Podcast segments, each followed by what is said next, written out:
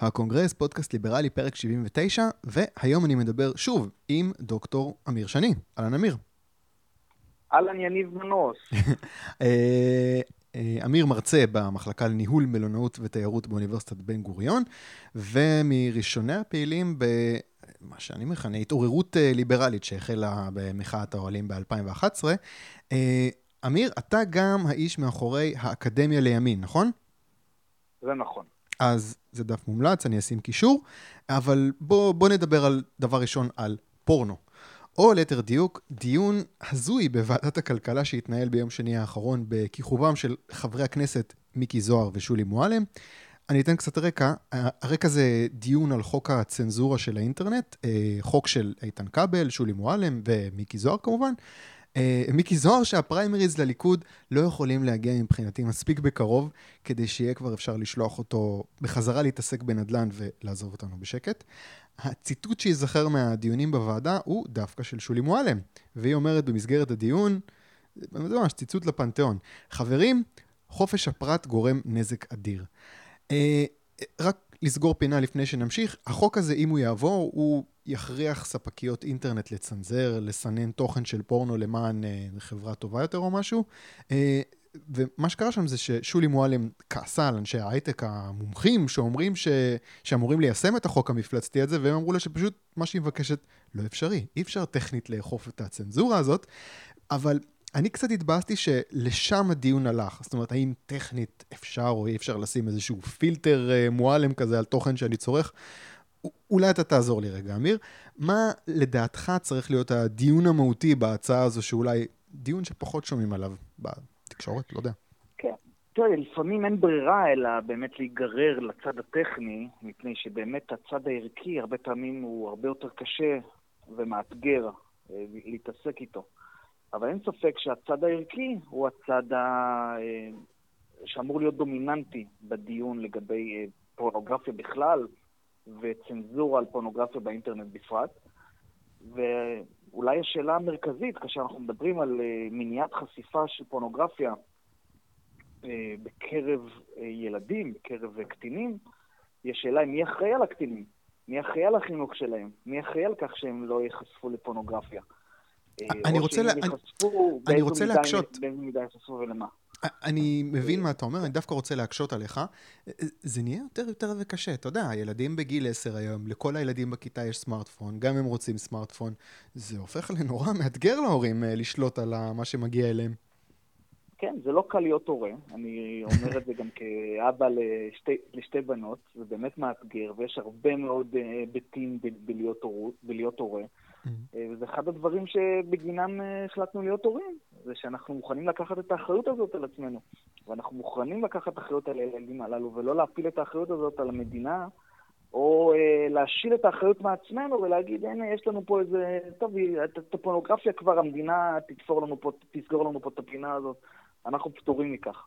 לא, אגב, אתה חשבת על זה? שלנו כהורים... זהו, חשבת על זה? איך אתה... כן, הבעיות שהבנות שלי באמת עדיין קטנות אה, בשביל אה, להיחשף לסמארטפונים, למרות שהם כבר התחילו לראות סרטונים כן. ביוטיוב. כן, כן. אה, אתה בטח מכיר את זה. בטח, כן, בטח.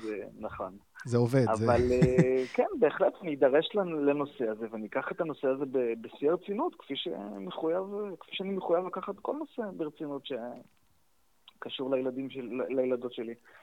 אני חושב שזה משהו שאנחנו חייבים, חייבים להבין את זה. אני חושב שגם יש סכנה בכך שאנחנו משילים את האחריות מעצמנו כהורים. אה, מתוך הנחה שהטכנולוגיה, כן, או הסינון האוטומטי של חברות האינטרנט אה, כבר אה, יעשו את העבודה. לא, הן לא עושות את העבודה. יש קשיים טכניים, יש דרכים לה, כן, לעקוף את הצנזורה האינטרנטית או את ההגבלות האינטרנטיות. Mm-hmm. ילדים, אגב, מאוד טובים בזה. כן. אני, בטח, אני לפחות בן 41, כן, אני זוכר לפחות את תקופת ילדותי, ידענו איך להשיג פורנוגרפיה. גם כשפורנוגרפיה לא הייתה נגישה, אף אחד לא, לא היה אינטרנט, לא היה אתרי פורנו, סמארטפונים, מי חשב על זה בכלל כמובן. ידענו איך להשיג פורנוגרפיה, וברוך השם, ידענו, ברוך השם השגנו אותה.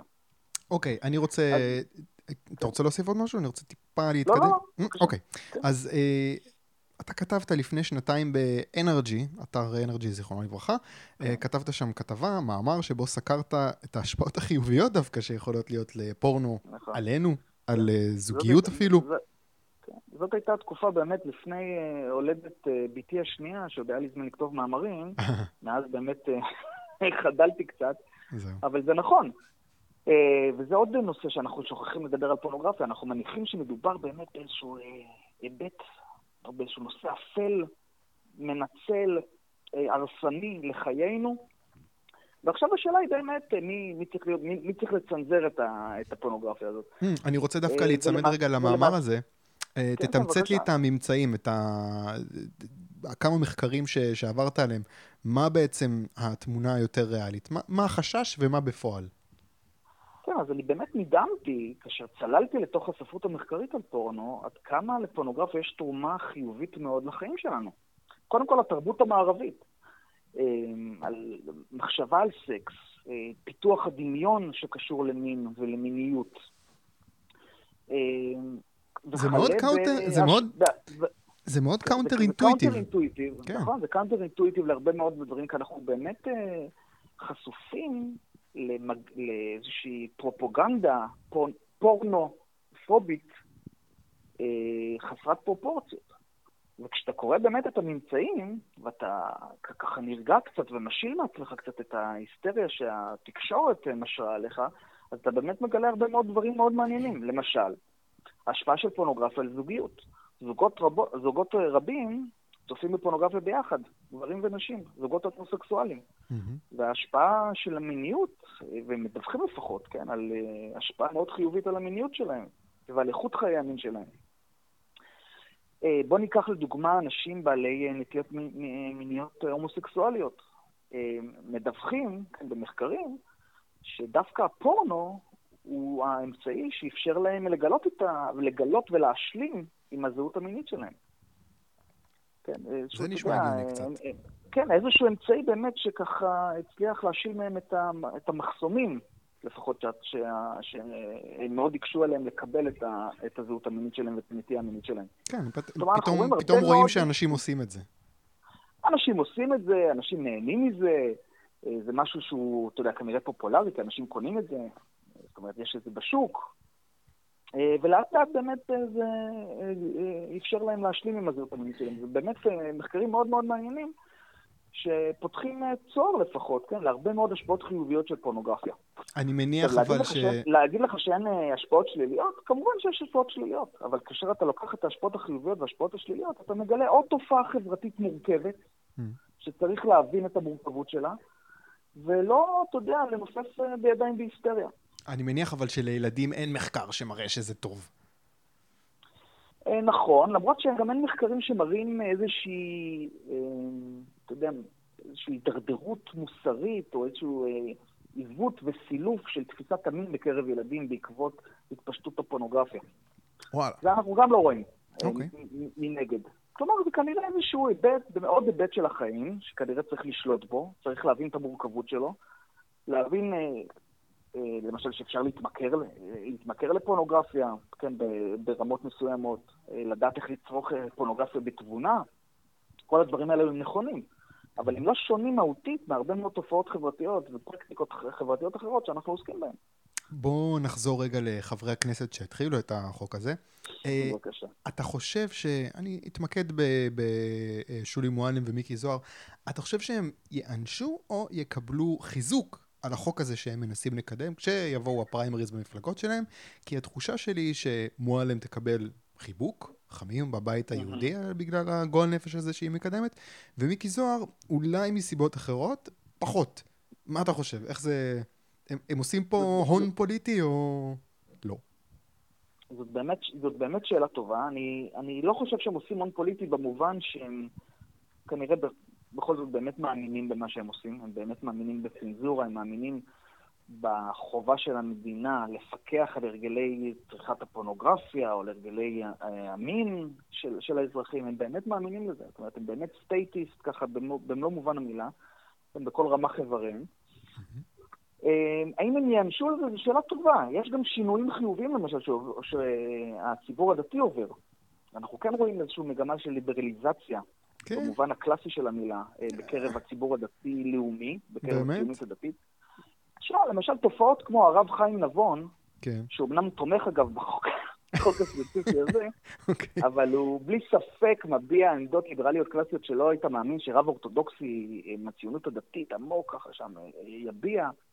בלי ספק קפיטליסט אה, הדוק, כן, שמאמין במערכת של שוק חופשי. אה, אז כן, אתה רואה, התופעה, הוא כותב במקור ראשון, זאת אומרת, הוא רב אה, עם איזשהו שיעור, בכל זאת עם איזשהו נפח כן, ציבורי. כך שלא הייתי מזלזל במגמות הללו. לגבי מי- מיקי זוהר, אתה יודע, מיקי זוהרים אה, הולכים ובאים. אה, לפחות הייתי. מתרגש מהם, סביר להניח שיגיע מיקי זוהר חדש, אם זה יתחלף. אה, ונצטרך להתמודד עם אה, חברי כנסת שמביעים בעיקר בורות ולא בקיאים בנתונים. כן, אני חייב ממש... להגיד לך משהו לגבי פורנוגרפיה ולגבי החוק הספציפי הזה. נו. הייתי נזהר גם כליברלים כן, ממה שאני מכנה אלרמיזם ליברטריאני. אוקיי. אלרמיזם, אלרמיזם, כן, זו תופעה שבה אנחנו באמת אה, קצת אה, נוהגים אה, אה, להעריך, כן, באופן לא פרופורציונלי, את התוצאות של, אה, של מעשה מסוים, במקרה הזה של חוק אה, הצנזורה. החוק הזה הוא יחסית חוק אה, אה, מתון, נקרא לזה ככה, כן? לא איזה חוק אה, דרמטי במיוחד. החוק הזה קובע שחברות האינטרנט, אה, ברירת המחדל שלהם תהיה לחסום את אתרי הפורנוגרפיה, ורק אם צרכן אינטרנט כלשהו יבקש באופן מפורש, אז יפתחו לו את האתרים הללו. במקום הדיפולט היום, שהדיפולט היום הוא שהוא האתרים לא פתוחים, אלא אם כן הצרכן מבקש אחרת. נכון, זה משהו שעלול בסופו של דבר להיות מדרון חלקלק, ואנחנו כן. בסופו של דבר להידרדר, כן, לצנזור, לצנזורת אינטרנט. כן, כי ברגע ששמת... אנחנו- זהו, אני אומר, ברגע ששמת את הברז, עכשיו מישהו יחליט מתי נכון. לסגור ולפתוח את הברז, ואפשר לשים פילטרים שונים, ואתה יודע, זה... החשש שלי זה שכאילו, אתה יודע, הברז שם, הסכמנו פה על, ה... על העיקרון שאפשר עכשיו אה, לשלוט על אה, מי צורך מה, עכשיו, אה, אתה יודע, יטו את זה בהתאם לאופנה, אז היום זה פורנו, מחר זה, לא יודע, דעות לא נכונות. אני מסכים, זה באמת, יש חשש כזה והוא קיים.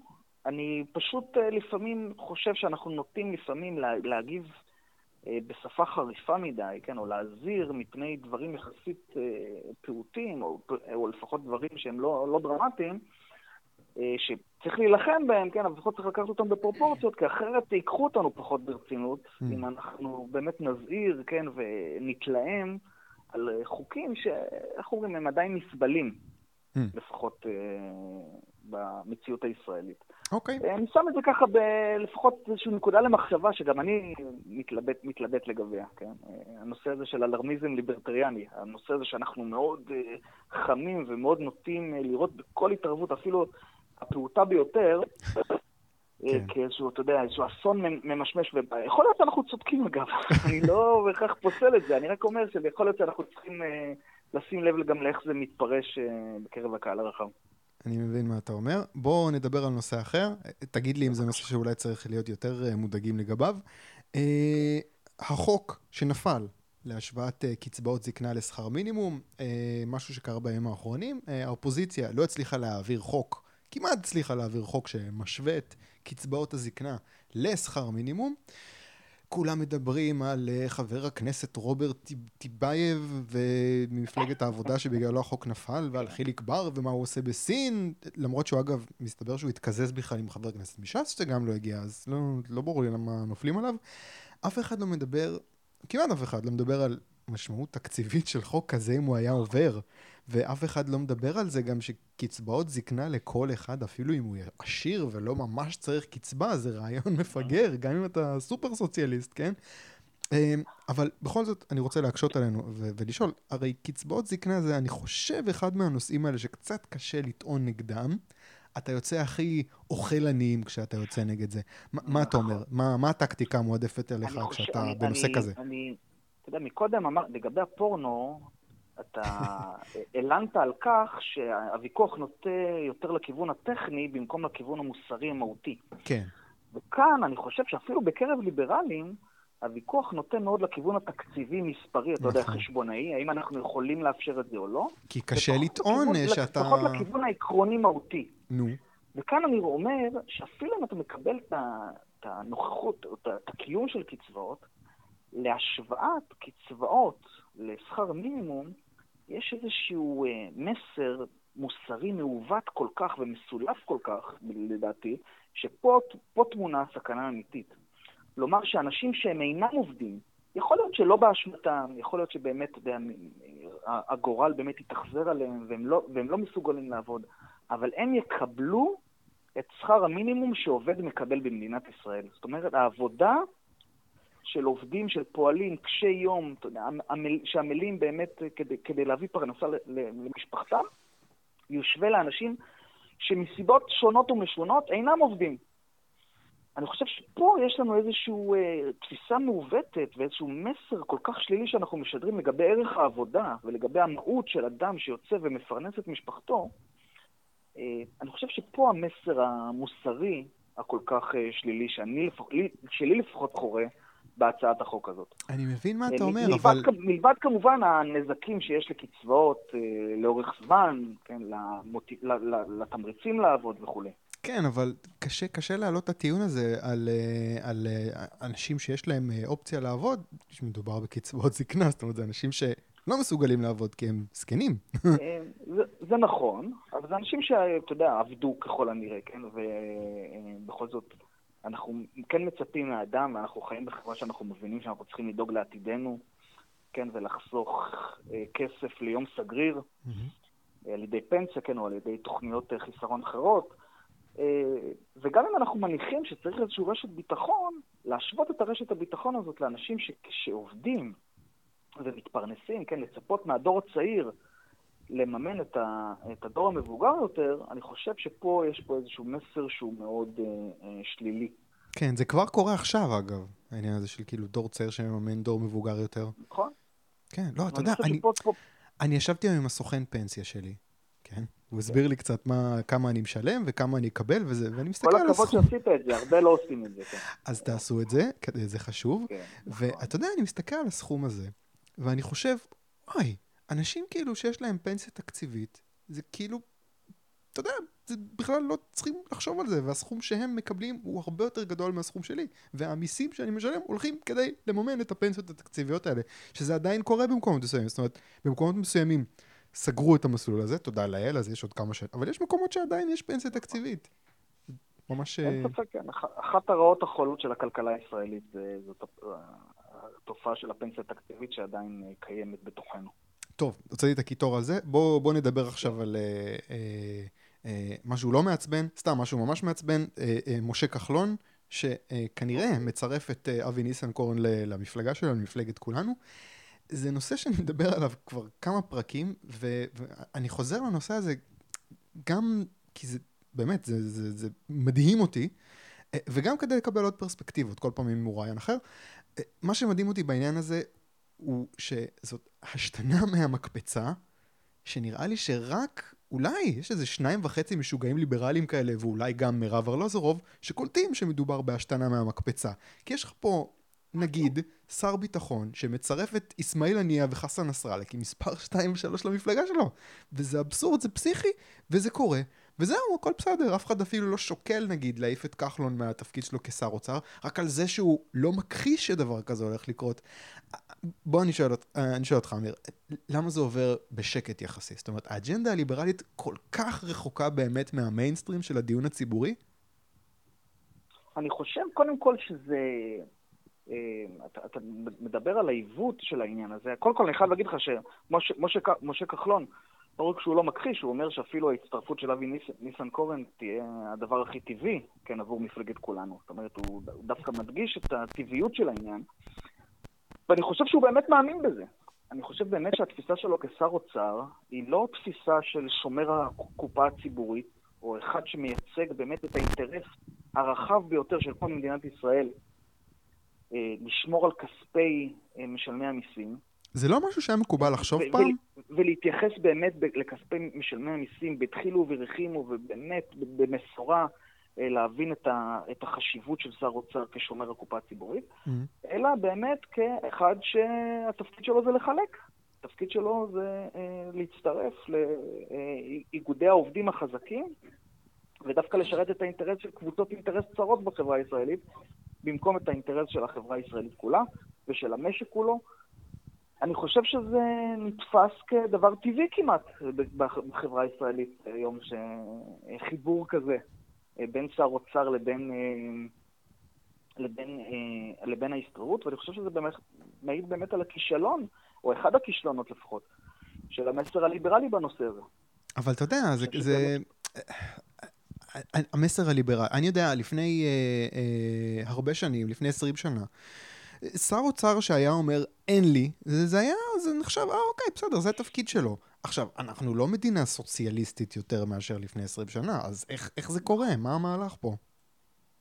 אמ, אני, יכול להיות שזה נובע מכמה דברים. קודם כל, אני חושב שאנשים פחות, אה, אני חושב שזה באמת קורה בתקופת אה, נתניהו יותר, שאנשים פחות אמ, תולים, אני חושב, אחריות בשרים עצמם, אלא יותר באמת מסתכלים על הראש. אה, ותולים את האחריות בשר אוצר, mm. סליחה, בראש הממשלה, כן, במקום mm. בשרים שלו. זאת אומרת, ראש הממשלה אחראי על, אחראי על הביטחון ואחראי על האוצר ואחראי על, על, על יחסי החוץ שלנו. זאת אומרת, פה אנחנו רואים פה איזו תופעה באמת שנתניהו מרכז בכוחו אה, כוח כל כך אה, אה, משמעותי, שלפחות מסירים את האחריות קצת, או, מסיר, או לפחות לא תולים יותר מדי אחריות בשרים השונים. אוקיי. Okay. אני חושב שזה אולי אחד הדברים שאנחנו צריכים פה אה, לעשות אה, נו נו נו לנתניהו, על כך שבאמת אנחנו פחות מבינים את תפקידי השרים, ופחות מבינים את האידיאולוגיה סביב באמת מה שכל שר אמור לעשות, ויותר באמת מתעסקים כל היום בראש הממשלה, בנתניהו, כן, ומה הוא עשה, מה הוא לא עשה, בחמגשיות שלו. אה, טוב, זה לא אשמתו. בביקור שלו באומן, בביקור שלו כאן ושם, כן, ופחות באמת בנושאים שהם יותר קשורים למשרדים השונים, שלשרים יש תפקיד עצום וחשוב, אה, ואנחנו פחות שמים את הזרקור הציבורי על הנושאים הללו. אני מבין מה אתה אומר, אבל אתה יודע, זה לא, לא רק אחריות של נתניהו, זה גם אחריות של תקשורת שמתרכזת בנתניהו ובעצם נותנת לו את הכוח הזה. אין ספק, אין ספק שיש פה באמת את הנושא של התקשורת, שבאמת לא אה, שמה את הזרקור על הנושאים הנכונים, כפי שראינו עד עכשיו, כן, בנושאים הקודמים שדיברנו עליהם. Uh, אתה חושב שההימור הזה ישתלם לכחלון? זאת אומרת, זה באמת משהו שיגרום לאנשים להצביע לו יותר, או שיותר יעזבו אותו כי הוא מצרף אליו את ניסנקורן? אתה יודע, אני כל כך משוחד בנושא הזה, אה, באמת, כל פעם שאני שומע באמת את כחלון, ואת את הפופוליזם שלו, ואת המניפולציות שהוא עושה, אז באמת לי מאוד קשה להעריך איך זה, איך זה יתבטא פוליטית. Mm. אה, כולי תקווה שזה לא יצלח, ובסופו של דבר נראה את מפלגת כולנו צוללת, כן, לתאומות הנשייה. וואי, אתה יודע מה? אה, אני מקווה מצד אחד, מצד שני, יש לי חשש כזה שכאילו כל קול שכולנו תאבד, אז אורלי לוי אבקסיס אה, תרוויח. זה נכון. אתה יודע מה יכול להיות נהדר? אם הקולות יתחלקו בין שניהם והם שניהם לא יעברו את אחוז החסימה, אז יהיה נהדר. וואי. אני רוצה להגיד לך משהו, אבל יניב, משהו חשוב, נו. שאנשים באמת נוטים לפעמים, באמת, יש לנו איזשהו יחול, כן, איזשהו, אנחנו מייחלים לבחירות האלה, ש... כל לא הרעים לא יקבלו בומבה, והטובים לא פתאום, כן, ושרן השקלים אה, יזכו במלוכה. אני חושב שפה, אגב, לא יזיק לנו קצת לחזור לספרים של איין ראנד. אוקיי. כמעיין מתגבר, ולמרד הנפילים. ואפילו שם, אתה יודע, שהיא הייתה כל כך אידיאליסטית, כן, וכל כך, אה, התפיסה שלה הייתה כל כך אה, אוטופית בנוגע לקפיטליזם ושגשוג ו, וחופש, mm. אפילו שם היא מעולם לא השלטה את הקוראים שלה, שהנה זה, אתה יודע, סוף סיפור. ניצחנו את הרעים. המאבק הזה נמשך, וככל הנראה יימשך לנצח, כן, המאבק שבו אנחנו נאבקים ללא הרף על חירותנו, גם חירותנו הכלכלית, זה משהו שהוא ככל הנראה לא, לא צפוי להסתיים. זה משהו שאנחנו צריכים להבין, כן, שאנחנו צריכים להצדיק את, ה, כן, את הלגיטימציה שלנו. כן, כן. בעולם הזה. כן, כן, בהחלט, אה, בהחלט, אני, אני מת על אה, שרן השכל, אבל אה, מישהו חושב שאם בפריימריז הבאים היא תקבל, לא יודע, איזה מקום גבוה, והיא תגיע רכובה על דרקונים ותציל את, את הכלכלה נכון. הישראלית, זה כנראה לא יקרה. נכון. אבל אתה יודע, אני, התקוות שלי צנועות. זה מאבק סיזיפי, כן, פודקאסט, פודקאסט אחר פודקאסט אחר פודקאסט, כן. משהו שבאמת אנחנו לא יכולים להרשות לעצמנו לחשוב אפילו, כן, על איזשהו, על סיום המאבק. Yeah, אתה יודע, אני מסתכל, אני צנוע באמת, אני אומר עוד שרן ועוד שרן ועוד שרן, אחד אחרי השני. טוב, בוא נדבר רגע על אה, קופות חולים. אה, זה משהו שככה עבר אה, בשקט יחסית. אה, ראיתי כותרת בדה מרקר וכלכליסט. מסתבר שמשרד הבריאות לא העביר בזמן לקופת חולים כללית, הקופת חולים הכי גדולה במדינה, מענק איזון של שלוש מיליארד שקל, והקופת חולים הודיעה בתורה לבתי חולים, הספקים שלה, חבר'ה, אין לי כסף לשלם לכם בזמן בחודש הזה. אז קראתי את זה ואמרתי, אוקיי, אולי אלה קופת חולים שעושים קצת שרירים כדי שמשרד הבריאות יעביר את הכסף, ומשרד הבריאות גם עושה שרירים כי עשו לו קיצוץ רוחבי כדי לממן את הפנסיות לשוטרים, אה, והעיכוב הזה בהעברה זה סוג של איתות של קיצוצים כאלה יש השלכות, למרות שיש להם את הכסף. אה, עכשיו, אם הנושא הזה יתפוס כותרות, אני, אני תוהה אם אנשים בכלל יעשו את הקישור בין 22 מיליארד שקל שהלכו לפנסיות שוטרים לפני uh, כמה, אני יודע, שבוע, שבועיים, ל... עכשיו אין כסף למשהו אחר. אתה חושב שאנשים עושים את הכישורים האלה? של כאילו... כן? ככל, ככל הנראה אנשים לא עושים את הכישורים הללו. אוקיי. אה, אני חושב גם שאני לא מאשים אנשים, זאת אומרת, גם אני לא בטוח, כן, אני לא, אה, זה באמת, אפילו מה שתיארת עד עכשיו, קשה לך לעקוב. הרבה מאוד נושאים, התקציב של זה, ומשרד הבריאות צריך להעביר לפה, וקופת החולים צריכה לשלם לספקים. גם לי אפילו, כן, כידיעות לפחות בנושאים הללו, זה נשמע מסובך מדי ומורכב להבין.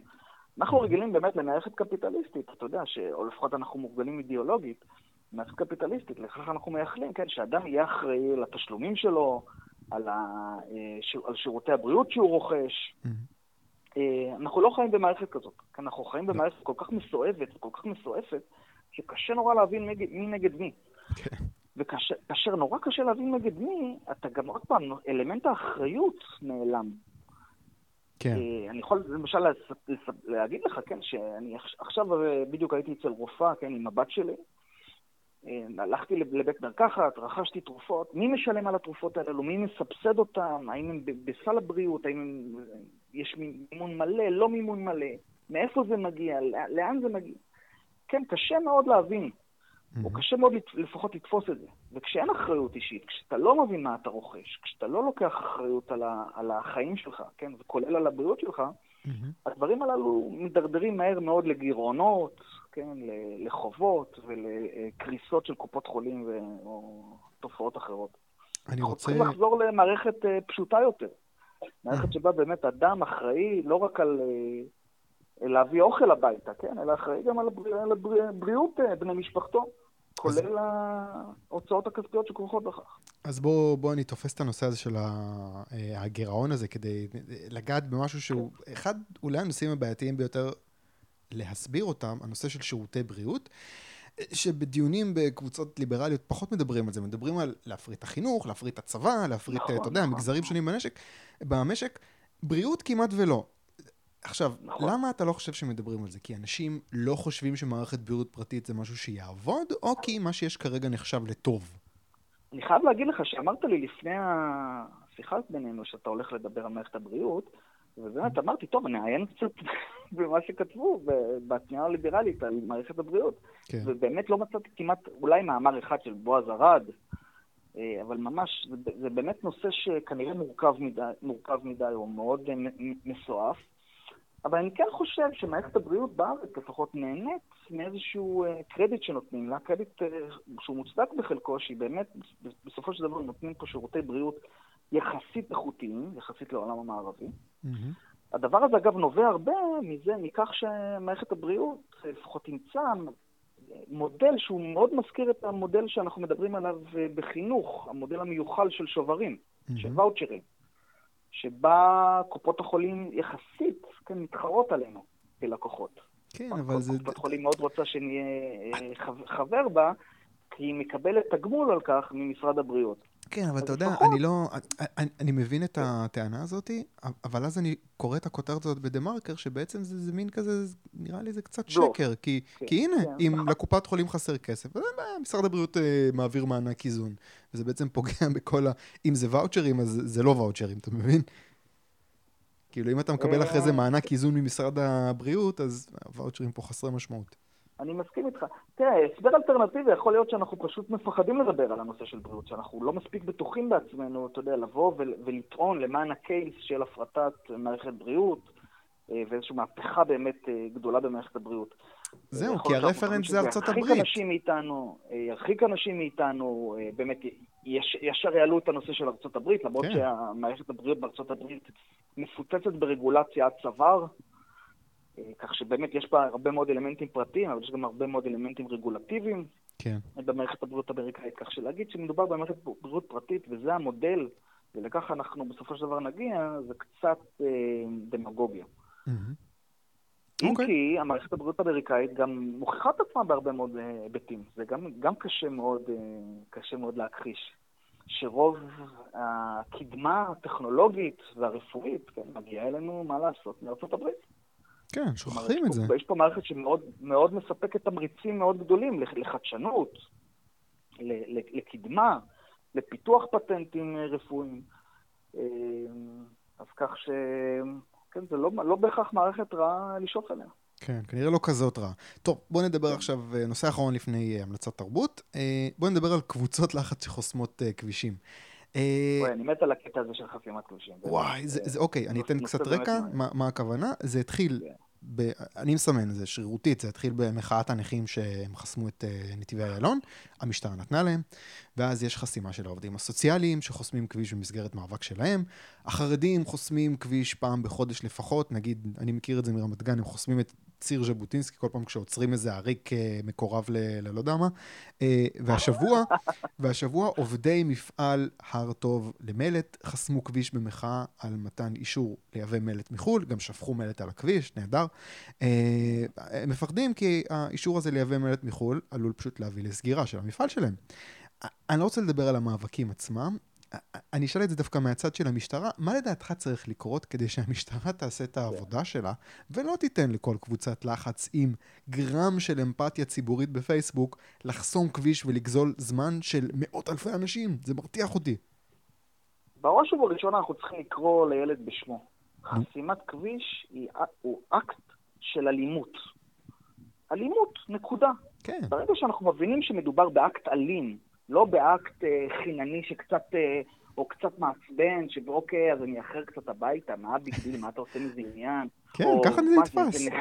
ברגע שאתה מבין באמת שמדובר באקט אלים, אז אתה מתייחס כבר לסוגיה הזאת אחרת לגמרי. עכשיו יגידו לי, מה, אלים באקט הזה? כן, מה אלים? תאחר קצת כן, הביתה. את כל אלה שאמרו לי, מה ה big deal, או אה, מה, מה עם חמלה קצת לנכים? כן. תחשוב שהיית במקומם. ואז אני שואל אותם, האם היית מסכים, היית, האם היית מקבל מצב שבו נכה בא וחוסם את הדרך שלך הביתה, חוסם את השער הכניסה לבית שלך, ומונע ממך להיכנס הביתה? למשך שעה, שעתיים, שלוש, כן, או וואטאבר? בדרך כלל אנשים אומרים, אתה יודע, טוב, זה, זה ברור שלא, מה זאת אומרת? זה, הבית שלי, זה הרכוש שלי. אם כך, מה ההבדל בין אה, נכה, כן, שחוסם את הכביש, ומונע ממך להגיע למחוז חפצך במשך אה, אה, מספר שעות? כמובן שאין הבדל, חסימת דרך, חסימת נגישות, כן, היא, היא אקט אלים לכל דבר ועניין, וצריך אה, להתייחס אליו ככזה. אחרי, אחרי מקרה, שניים, כן, שבה המשטרה תתייחס ותפנה, ותעשה מה שהיא צריכה לעשות, להגן על אזרחי מדינת ישראל מפני אלימות. אז בוא אני אתמקד... אני מבטיח לך שהנושא הזה, כן, והפ... והטרנד הזה של חסימת כבישים, אה, לאט לאט אה, הפיל שלו ידעך. כן? אני מאמין שכן. 아, אה, אוקיי, אז כמה... אני, אני רוצה לאתגר את זה רגע. יש לרועי דן כן. טענה שהוא חוזר עליה הרבה פעמים, שאנחנו אה. בעצם פה בישראל קצת במנטליות של גטו. זאת אומרת, אנחנו מחכים, יש לו תפיסה כזאת שאנחנו מחכים לאיזה שלטון חזק, איזה פריץ שייקח את העניינים לידיים, ועד אז אנחנו פה מקסימום סדרנים. ואנשים שעושים שרירים, אנחנו נותנים להם. יכול להיות שזה תקף גם למשטרה, זאת אומרת שזה לא המשטרה האשמה, אלא בציבור אין בעצם לגיטימציה לתת למשטרה לעבוד. כי מה, עכשיו תפגע בנכים כדי לפתוח כביש? אין לך לב? אתה מבין את הטענה הזאת? אם לזה הוא חותר, אני מסכים איתו לחלוטין. נו, אז איך זה ייגמר? הדבר, הדבר הראשון צריך באמת להשתנות, זה השיח וההתייחסות הציבורית כלפי חסימות כבישים. ברגע שאנחנו נתפוס את המעשה הזה כאלים, גם למשטרה תהיה לגיטימציה. ברור שהמשטרה היום לא, לא מעיזה אפילו להזיז נכה, כי היא יודעת איך להצטלם, כן. ואיך השער הראשון של, השער הראשי של ידיעות אחרונות יראה, יראה למחרת. Mm-hmm. אני, אני באמת לא מאשים פה את המשטרה בנושא הזה. המש, השם, ה, כן, האשמים זה באמת הציבור, כן, והשיח שהוא מנהל. כן. ת, ת, תסתכל אפילו על עצמך, כן, שאתה כותב, אולי, אולי יצא לך לראות את רותם סלע, כן, או אישים ליברליים אחרים יוצאים נגד חסימות הכבישים. וואי וואי וואי. איזה מתקפה חסרת תקדים כן. הם חטפו על הראש. כן. איך אתם מעיזים, ותחשבו שהייתי במקום הנכים, ותחשבו שהייתי... אה, כאילו הרום, אה, כן, אה, כאילו העובדה שהגורל יתאכזר אליך, נותנת לך איזושהי לגיטימציה לפעול באלימות כלפי אדם אחר. מי שמע על דבר כזה? כן, באיזה זה מאוד חברה- מעצבן. באיזה חברה, באיזה חברה ותרבות אנחנו חיים שאנחנו מקבלים כזאת נוסחה? מסכים איתך לגמרי. Uh, טוב, דבר אחרון, אני רוצה לדבר איתך על המלצת תרבות, על ספר, סרט, פודקאסט, אירוע שאתה רוצה להמליץ עליו. אם לא חשבת על משהו, אני אתן לך דקה לחשוב, ואני אעשה משהו שבדרך כלל אני לא עושה, וזה ההפך מהמלצה. זאת אומרת, הייתה לי המלצה שאני Mm. כרגע לוקח אותה בחזרה. אני המלצתי... non-invitation, כן. כן, בדיוק. אז uh, אני בעבר המלצתי על התוכנית uh, המצוינת, הייתה מצוינת, של רועי כץ, uh, שוק חופשי ב-102 FM, זה היה גם באפליקציות פודקאסטים, אבל בשבועות האחרונים רועי כץ קצת דופק נפקדות מהתוכנית שלו, ובמקומו מגישים את התוכנית uh, נדב אבקסיס, שרון קידון, ניר קיפניס, אנשים שבהחלט יש סוציאליסטים מהם, כן? אה, אבל אף אחד מהם לא ראוי להנחות תוכנית שמקדמת אג'נדה של שוק חופשי, כמו שרועי כץ ראוי. אני דגמתי השבוע פרק, קטע, פרק אה, אה, ששרון קידון אה, מראיינת את איתן כבל, על אותה הצעה להשוות את קצבאות אה, הזקנה לשכר מינימום. עכשיו, בתוכנית עם שם כמו שוק חופשי, היית מצפה שבמינימום ישאלו אם לא כדאי שקצבאות הזקנה, נגיד, יגיעו לזקנים שהם עניים, ולא סתם לכל הזקנים, כולל כאלה שממש לא צריכים שום קצבה. אבל בפועל, הדיון נסוב סביב חוסר היכולת של האופוזיציה לגייס רוב, אה, אותו חבר כנסת אה, רוברט משהו, אה, כאילו, זאת אומרת, אני שמעתי את זה, אמרתי, אוקיי, בסדר, יש את התוכנית של קרן נויבך, הם יצאו את זה מצוין, מה, אבל בתוכנית עם שם כמו שוק חופשי, אז אני לא יודע למה רועי כץ נהדר מהתוכנית, אני בטוח שיש סיבה מצוינת, כן? אה, אבל בלי רועי כץ, זה לא שוק חופשי, וזה לא שהתוכנית רצה, אתה יודע, כמה שנים שהם יכולים ככה לשים אה, מנחים אורחים, כי הכל רץ על איזה טייס אוטומטי והאג'נדה חזקה מהמנחים. התוכנית רחוקה מלהיות שם, ולצערי עד שרועי כץ אה, חוזר, אני, אני לא שם, אני לא שומע את זה. אה, סורי. זהו, וזה הקיטור שלי. סוף סוף יש תוכנית קבועה ברדיו שהיא בתחנת רדיו מכובדת, שהייתה עם אג'נדה של שוק חופשי, עוד לא התחילה, והיא כבר לצערי מתפוררת, וזה ממש מבאס אותי. אז סליחה, רועי כץ, שוק חופשי, עד שתחזור, אני, אני לא שם. אמיר, מה ההמלצה שלך? כן, שתי המלצות, אה, ברשותך. ככה, קדימה. המלצה שמחולקת לשתיים. קודם כל, באמת יצא לי לראות לפני כמה שבועות כבר, אבל הס- הסרט עדיין, אה, אה, צפיתי בסרט שעדיין מציג בבתי קולנוע ברחבי הארץ, והסרט הוא האדם הראשון, First Man. אה, אני מבין שלא יצא לך לראות. ששמעתי עליו, אשתי ראתה אותו. כן. הוא אה, באמת מספר את, את סיפור אה, הנחיתה הראשונה האנושית על הירח. כמובן סיפורו של ניל ארמסטרונג, אבל אה, אתה יודע, אתה מגיע לסרט ואתה מצפה לסרט הרפתקאות, כן, נחיתה על הירח, השאיפה להגיע לחלל, ואתה מגלה סרט מאוד מאוד לא צפוי, שמספר באמת את הצד האפל של המאמצים האמריקאים הכבירים והיקרים מנשוא של אה, להגיע, להיות הראשונים, אתה יודע, שתוקעים את, אה, את דגל הברית על הירח. אה, באמת, שנים של השקעות בלתי פוסקות, של מיליארדים על מיליארדים, בעוד שאתה יודע, אה, גם בתקופות של צנע ובתקופות של מיתון ובתקופות של משברים כלכליים. אה, ולא, ונשאלת השאלה כל הזמן באוויר, למה הם עושים את זה? מה גורם באמת, ל- מה גרם לאמריקאים להיכנס לאובססיה הזאת של להיות הראשונים שנוחתים על הירח? אז יש כמובן את הרצון להקדים את הסובייטים, אבל מעבר לכך, כן, יש איזושהי שאיפה, איזשהו אה, צמא, כן, ללא נודע. אה, והסרט הזה, אני חושב, באופן מפתיע מאוד, מביע גם הרבה מאוד ביקורת על המאמצים הכבירים האמריקאים וההשקעות האדירות שנעשו בכל הנושא של חקר החלל וההגעה לחלל. אגב, גם קורבנות בנפש היו אה, תוך כדי הניסיונות להגיע לירח. אה, הסרט הזה בצורה מאוד מפתיעה מביע גם ביקורת מאוד מאוד מעניינת אה, נגד, ה... נגד השאיפה הממשלתית הזאת ונגד הטירוף הזה שממשלת ארה"ב הובילה אה, באותם ימים. מעניין. אני חושב שזה מאוד מעניין. ההמלצה השנייה היא דווקא אה, סדרה של סרטוני יוטיוב. או. יכול להיות שאתה מכיר את היוצר רמי, אה, שהוא אה, יוצר ליברטריאן, שפועל יחד עם המגזין הליברטריאני Reason. איך? ויש ריזן? לו אה, סדרה של סרטוני פרודיה, מדליקים ומגניבים, על אלף ואחד נושאים. אה, הנושא, אה, כן, הוא לוקח כמובן שירים מפורסמים ועושה עליהם פרודיה, אבל תמיד סביב אה, נושאים ליברליים ותכנים ליבר, ליברליים. איך קוראים לזה? והוא עושה את זה בעיניי לפחות בצורה מאוד מצחיקה ומאוד משעשעת וגם מאוד מחכימה. איך קוראים לזה? אתה זוכר? קוראים לה יוצא רמי, שם אחד. הוא עיראקי ולבנוני במוצאו, אבל הוא אמריקאי. ליברטריאן, שהוא באמת עושה הרבה מאוד, אה, מציג הרבה מאוד חומרים ביוטיוב, מהמם. והוא עובד אה, בשיתוף פעולה עם Reason TV, אה, המגזין האינטרנטי של. של אוקיי, המגזין אני אשים. קישור. אני אשים לזה קישור. מעולה, מדליק ומאוד מומלץ. אחלה. אז האדם הראשון, ורמי, הסרטונים שלו עם ריזן TV, אני אשים לזה קישורים. אמיר שני, דוקטור אמיר שני, תודה רבה. יניב מנוס, תודה רבה לך. וניפגש בשבוע הבא עם עוד ליברל.